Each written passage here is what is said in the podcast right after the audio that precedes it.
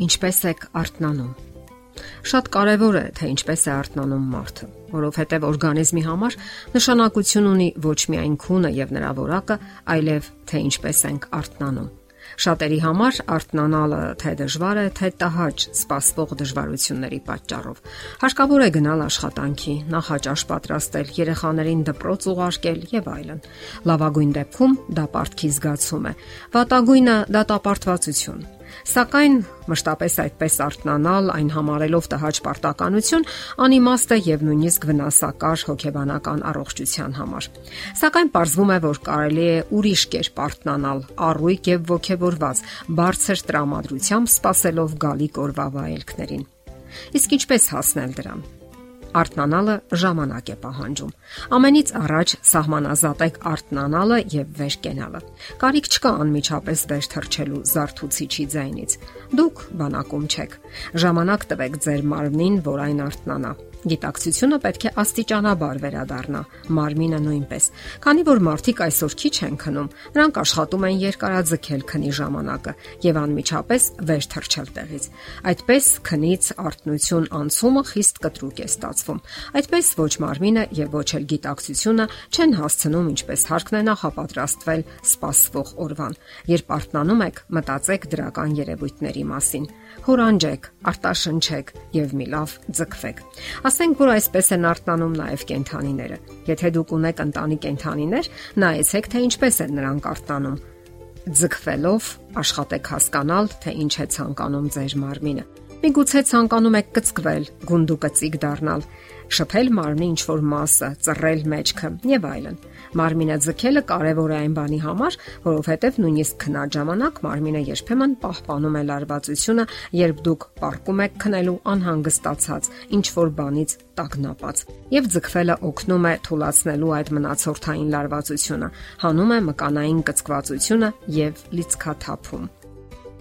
Հարկավոր է մահճակալից դուրս ելնել հանդարտ Բոբիկ քայլել մաքուր գորգի վրա կամ հատակի։ Քայլեք հանգիստ, բավականություն զգալով։ Հատակն անպայման պետք է մաքուր լինի։ Հակառակ դեպքում դուք ստիպված կկծկեք ձեր ոտքը եւ կքչացնեք շփման մակերեսը, ձգտելով քայլել թաթի ու կրունկի մի փոքրիկ հատվածի վրա միայն։ Իսկ մաքուր հաճելի մակերևույթը մեզ զգայական բավականություն է պատճառում եւ մենք ձգտում ենք քայլել ոտքի ողջ մակերեսով։ Հիշենք, թե որքան ծանրաբեռնվածություն են գցում օրվա ընթացքում կրունկների վրա եւ կարեւոր է կրունկների խնամքը։ Կարող եք նույնիսկ ոտքի թաթերով մանր առարկաներ վերցնել գետնից, որը զգայունություն եւ ճկունություն կհաղորդի նրան։ Ձեր մարմնին առաջարկեք հաճելի զգացումներ Ձերքերով շոյեք շանը, կատվին, հպվեք ինչ որ փափուկ, նուրբ, թավշյա կամ մետաքսի առարկաների։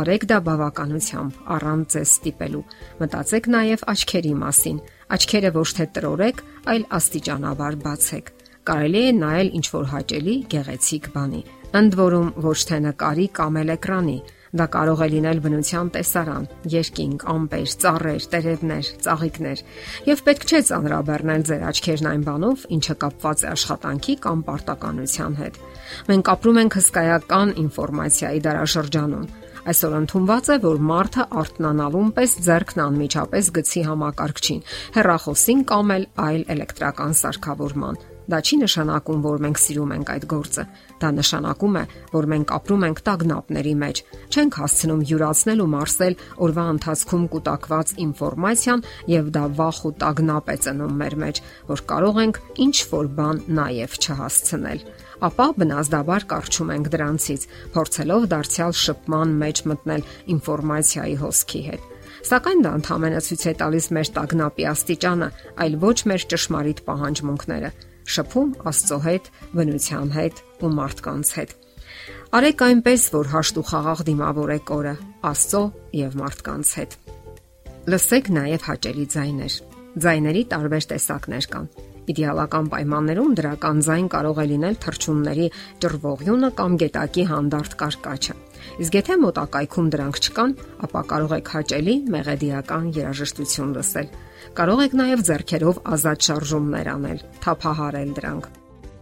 Որոշ մասնագետներ խորհուրդ են տալիս ստեղծել այսպես կոչված պաշտպանական գոտիներ։ Դա կարող է լինել մարմնամարզությունը, այն ինքնին լավ է, սակայն հարցն այն է, որ մարմնամարզությունը կամ ասենք վասկը կառուցվածքային նպատակաուղված գործողություն է, որը ջանք ու կամային մղվածություն է պահանջում, ինչն առավոտյան այնքան էլ հաճելի չէ շատերի համար։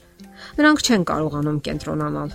Իսկ եթե ձեզ հարկավոր է կենտրոնանալ կարևոր գործի վրա եւ հավաքել ուժերը, ապա այդ դեպքում կարող եք կտրուկ շարժումներ անել, բարձր երաժշտություն լսել Իհարկե աշխատեք չխախտել սահմանը։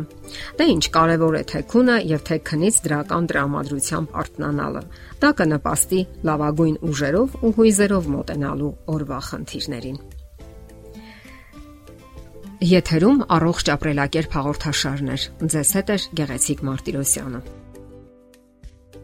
Հարցերի եւ առաջարկությունների համար զանգահարել 033 87 87 87 հեռախոսահամարով։